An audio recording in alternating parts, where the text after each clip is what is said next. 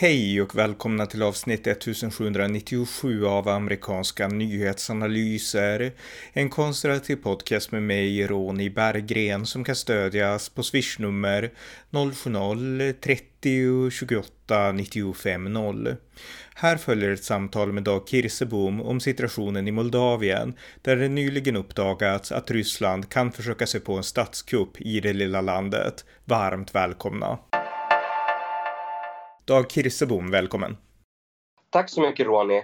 Vi brukar ju prata om Ukraina och eh, kriget där, eh, det ryska kriget, men idag så ska vi prata om ett annat land som också är i blickfånget för Ryssland verkar det som och det är landet Moldavien. Ett litet land i Europa som många europeer kanske inte kan så mycket om alls.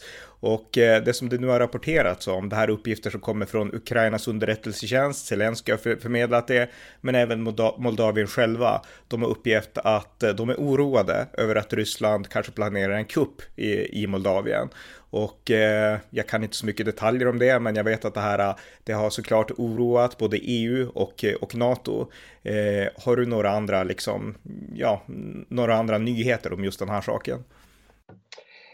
Eh, nej, men det är ju sån här eh, klassisk eh, hybridkrigsföring av Ryssland. Alltså de, de är ju väldigt duktiga på det här att, att under ytan blanda sig in i andra länder och, och eh, försöka eh, eh, se till att det blir eh, konflikter och, och, sånt där om det gynnar dem. Så det är ju lite som det här som det dök upp små gröna män på Krim liksom innan de tog över det. Va? Mm. Eh, det, det, det är det det har spekulerats i. Men, men, men i och med det här att Ukraina och Moldavien har fått ut den här informationen så att säga i förväg Eh, eh, så har det, väl det här kuppförsöket lite eh, eh hindrats då. då. Eh, det, det, det, det, som det har kommit fram i media det var att de planerade att skicka in, det, det är någon fotbollsmatch där som skulle vara i, i Moldavien med ett serbiskt lag. Så skulle de då smuggla in eh, eh, huliganer så att säga med de här fotbollssupportrarna som i, som i själva verket skulle åka in i Moldavien för att eh, eh, attackera regeringsbyggnader och så vidare. Mm. Sen såklart så finns det ju, någon, det finns ju, ju en, en, en, grund för att eh, de skulle kunna hoppas att det blir en, en eh, ett, eh, någon, någon, slags revolution där då, då ryssarna. Det, det, det, finns ju de som stödjer dem helt enkelt. Mm. Eh, vi kan ju komma in lite mer på det här om en stund, alltså det som händer just idag och politiken och hur strömningarna går. Men jag tänkte, alltså som sagt, många kan väldigt lite om Moldavien. Jag kan nästan ingenting alls. Så att du som ändå har varit där och jag vet att du kan historia, kan du berätta lite grann om historien, alltså bakgrunden? Vad är, vad är Moldavien för, för, för slags land?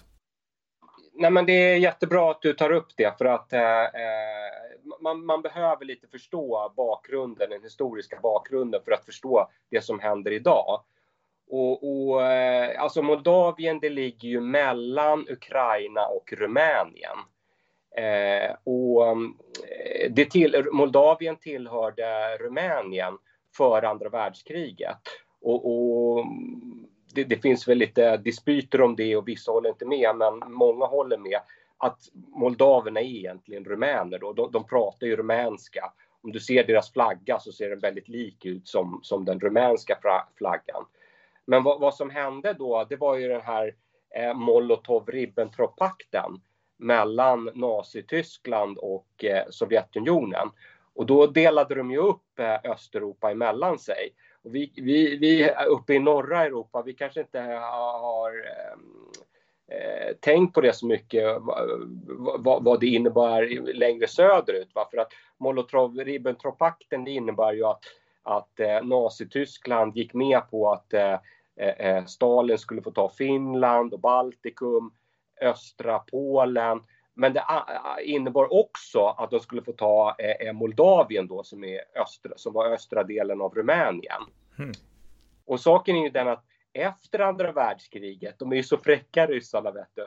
Så å ena sidan så, så, så hade ju de eh, gemensamt med västländerna besegrat Nazityskland. Men sen när de satte sig ner då och skulle eh, komma överens om vad som skulle gälla efter andra världskriget, ja, men då krävde ju Sovjet att, att få behålla de här territorierna som de hade fått enligt Molotov-Ribbentrop-pakten med Nazityskland. Mm. Ja, Och eh, Moldavien blev då en av de, de 15 ehm, delrepublikerna i eh, Sovjet. Eh, som, som sen då blev ett av de 15 självständiga länderna när Sovjet upplöstes 1991. Okej, just det. Ja, det var mycket intressant. Men alltså i grund och botten så är det rumäner, alltså Moldavien-befolkningen? Ja, det är risk för att någon moldav blir jätteupprörd när jag säger så, men lite så har jag förstått det. De pratar rumänska, och, och eh, de, de, eh, det är många i, i Moldavien som vill tillhöra Rumänien. Alltså lite då som Öst och Västtyskland var om du tänker dig att, att eh, skulle de gå ihop va, till Estland så skulle det klart att Rumänien skulle dominera totalt för de är mycket starkare än Moldavien. Mm. Men bara för att sätta den i geografiska kontexten, för det är fortfarande många som inte kan geografin så bra där nere i sydöstra Europa, men vi har ju Ukraina då som gränsar norr om Svarta havet och sen direkt bredvid grannlandet, det är Moldavien. Och sen därefter Rumänien och längre ner Bulgarien, så att de här länderna gränsar alla till Svarta havet. Ja, eh, Eller...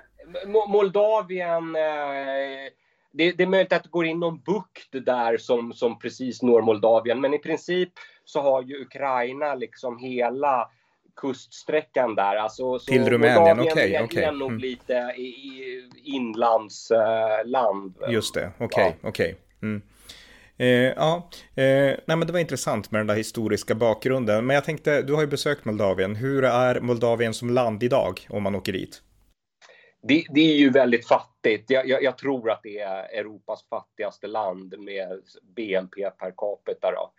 Eh, och, och, och eh, de, eh, de, de, kontrolleras ju lite grann av Ryssland ändå. Va? De har ju inte kommit med i EU eller NATO eller någonting sånt där. Va? Och, och eh, Ryssland är inne där och manipulerar dem och de är så beroende av rysk gas och sådana där saker.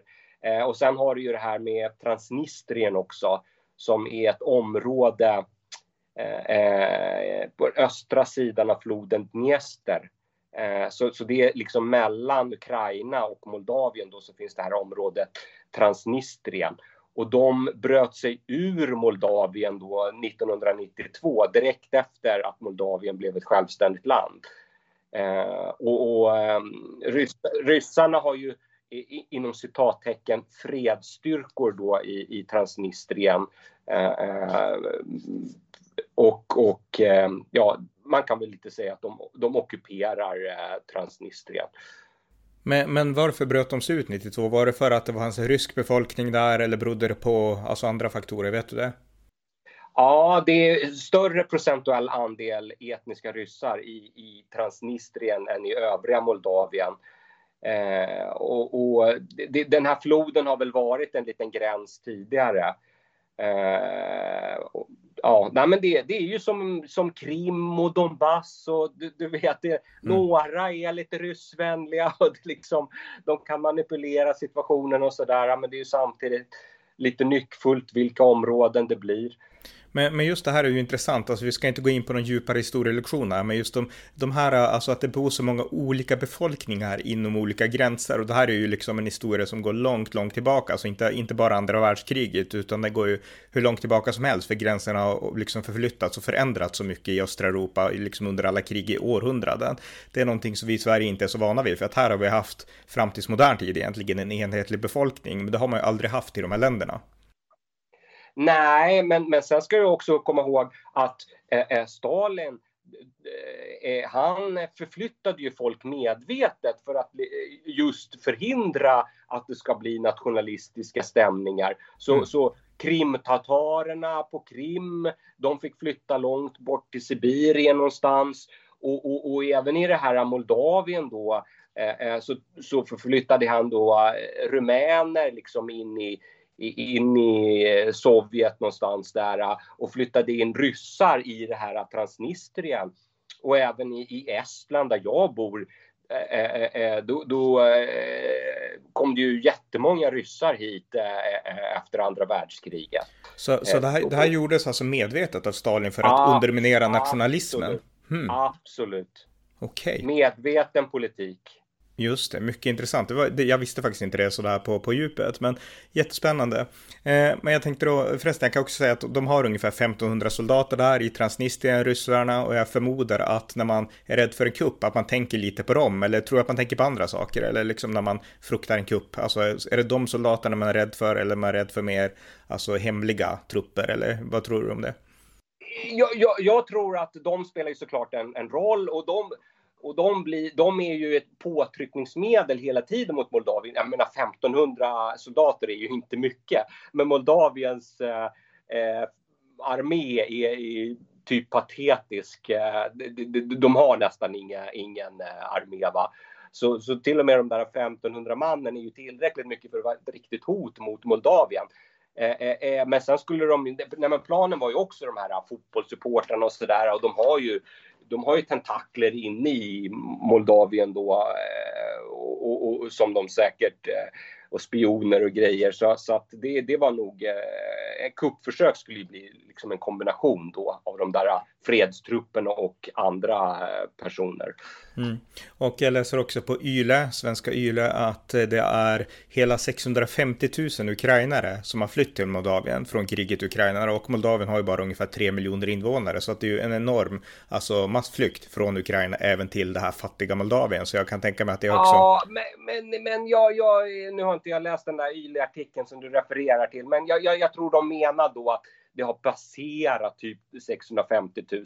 Mm. Det, det, jag tror de allra flesta av de där 650 000 har ju fortsatt liksom till Rumänien eller Ungern eller sådär. Va? Just det. Jag, jag, tror, jag tror inte det är 650 000 ukrainska flyktingar i Moldavien nu. Nej, nej just det. Eh, men jag tänkte då om vi pratar lite grann om politiken i Moldavien. Det pratas nu om att det har blivit en ny premiärminister, en kvinnlig statsminister, eh, pre president också i landet.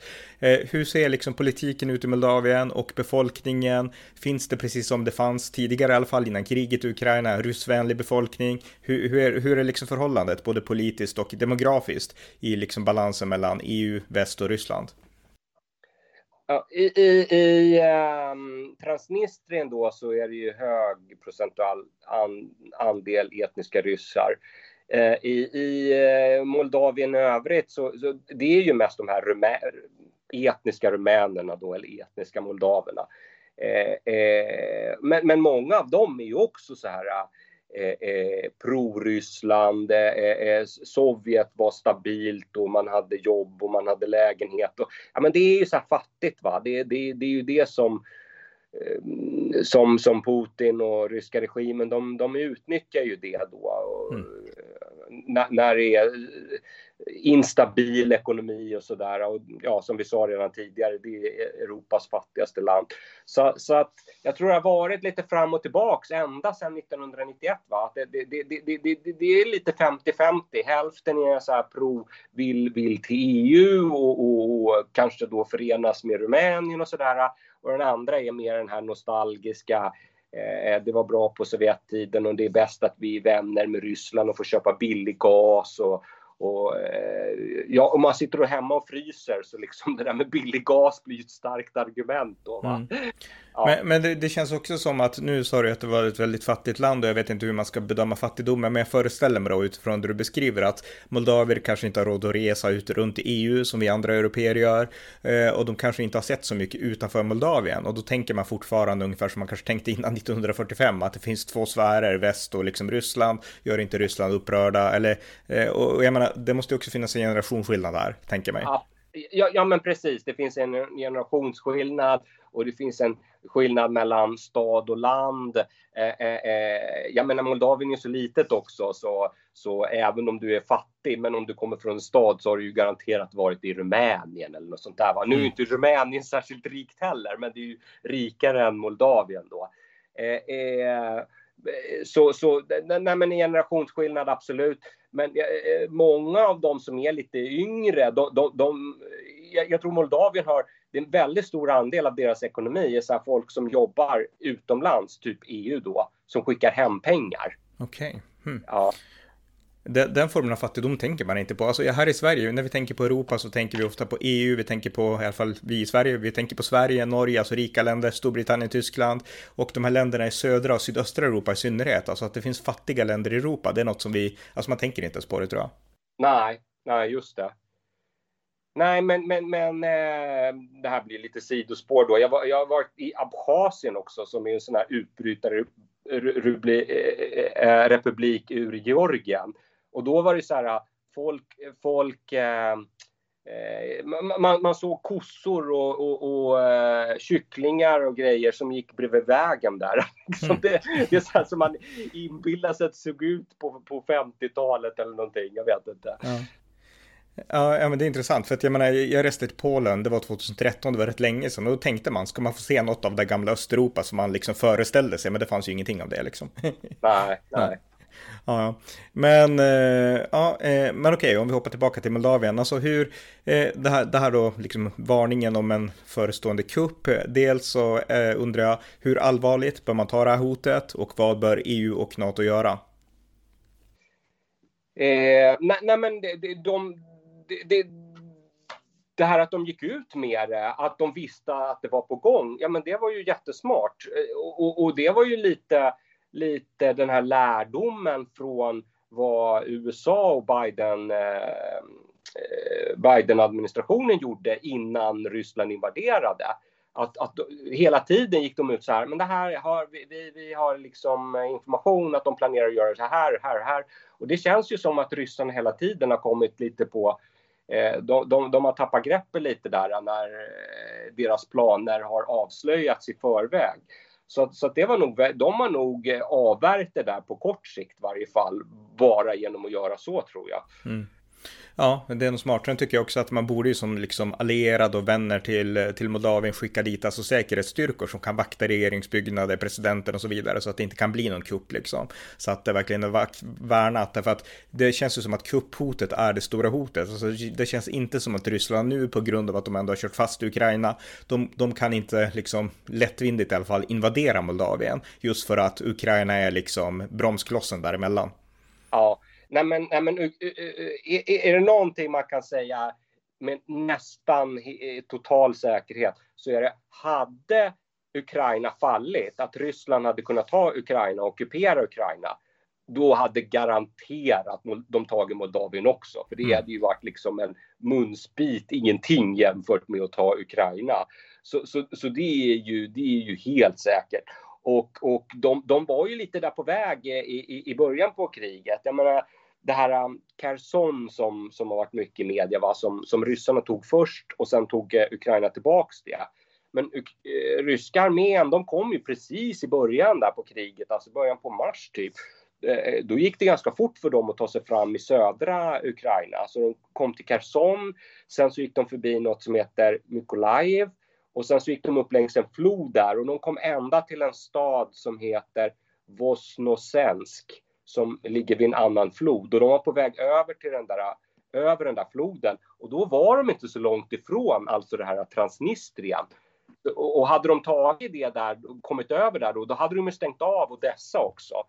Så att eh, Ja, nu nästan glömde jag bort mm. vad, du, vad, din fråga var från början. Där. Nej, nej, men jag tänkte att Ukraina var en bromskloss för att liksom så att de inte kan ta Moldavien. Men det där var intressant. Men då är frågan alltså, borde kanske inte Ryssland haft en annan taktik? Nu ligger ju inte Moldavien direkt annalkande till Ryssland, men borde man inte ha tagit Moldavien först och hoppat över Ukraina liksom? Och för att, eftersom det hade varit så mycket enklare. Ja, kanske då med, med en sån här kuppgrej. Via vattnet eh, eller hon, någonting? Den ah, okay. mm. västvänliga presidenten, hon blev ju vald 2020. Så ja, eller, eller ska man säga varför gjorde de inte någonting 2019 när de hade sin president eh, där i Moldavien som var ryssvänlig? Eh, det, det, kan man ju fråga sig också, men ja, det blir ju mycket retroaktivt eh, resonemang. Ja, men, men det är ändå intressant, för jag menar vi har sett samma sak i Ukraina, ryssvänliga presidenter och ryssvänliga politiker och alltså de här länderna, alltså sakta men säkert, det tar tid och det är inte enkelt, alltså vi i västra Europa, vi glömmer förmodligen ganska mycket hur mycket kommunismen har påverkat de här länderna och alltså 30 år räcker inte för att fixa allting. Men, men alltså det känns ändå som att alla de här länderna, Ukraina, Moldavien, de rör sig mot väst nu utan tvekan. Ja, det, det, det, känns ju som trenden är, är, är den definitivt. Jag menar det här med att de är lite 50-50 då mellan pro-EU och pro-Ryssland. Eh, eh, men men de, de, det, det, är ändå, trenden går, går åt, åt, åt det hållet. Eh, men, men, samtidigt så ibland så lyckas ju ryssarna verkligen pressa tillbaks. Va? Om du tänker till exempel Georgien, du kommer ihåg, då var det, mm. de hade en president som hette Saakashvili eh, eh, eh, och de blev inbjudna till Nato, ehm, att den här processen med anslutning, Ukraina och Georgien där 2008 eh, och sen så invaderade Ryssland Georgien. Eh, eh, eh, och efter det, nej men då, då, då, då, skulle man ju kunna tänka sig att georgierna verkligen hatar Ryssland jättemycket.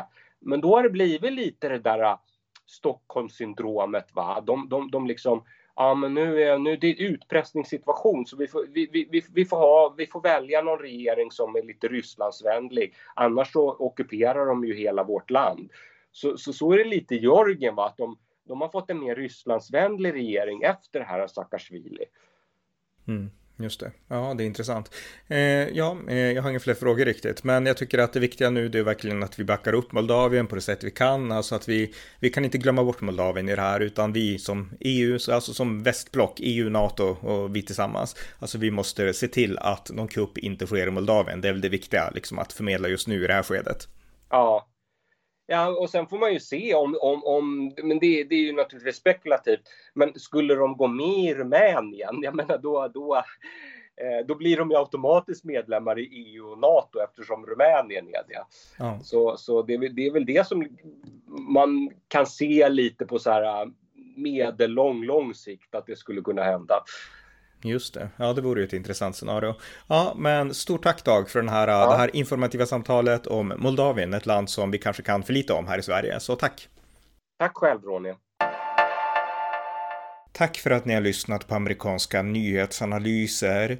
En podcast som kan stödjas på swishnummer 070-30 28 95 0 eller via hemsidan på Paypal, Patreon eller bankkonto. Skänk också gärna en gåva till valfri Ukraina-hjälp. Allt gott tills nästa gång.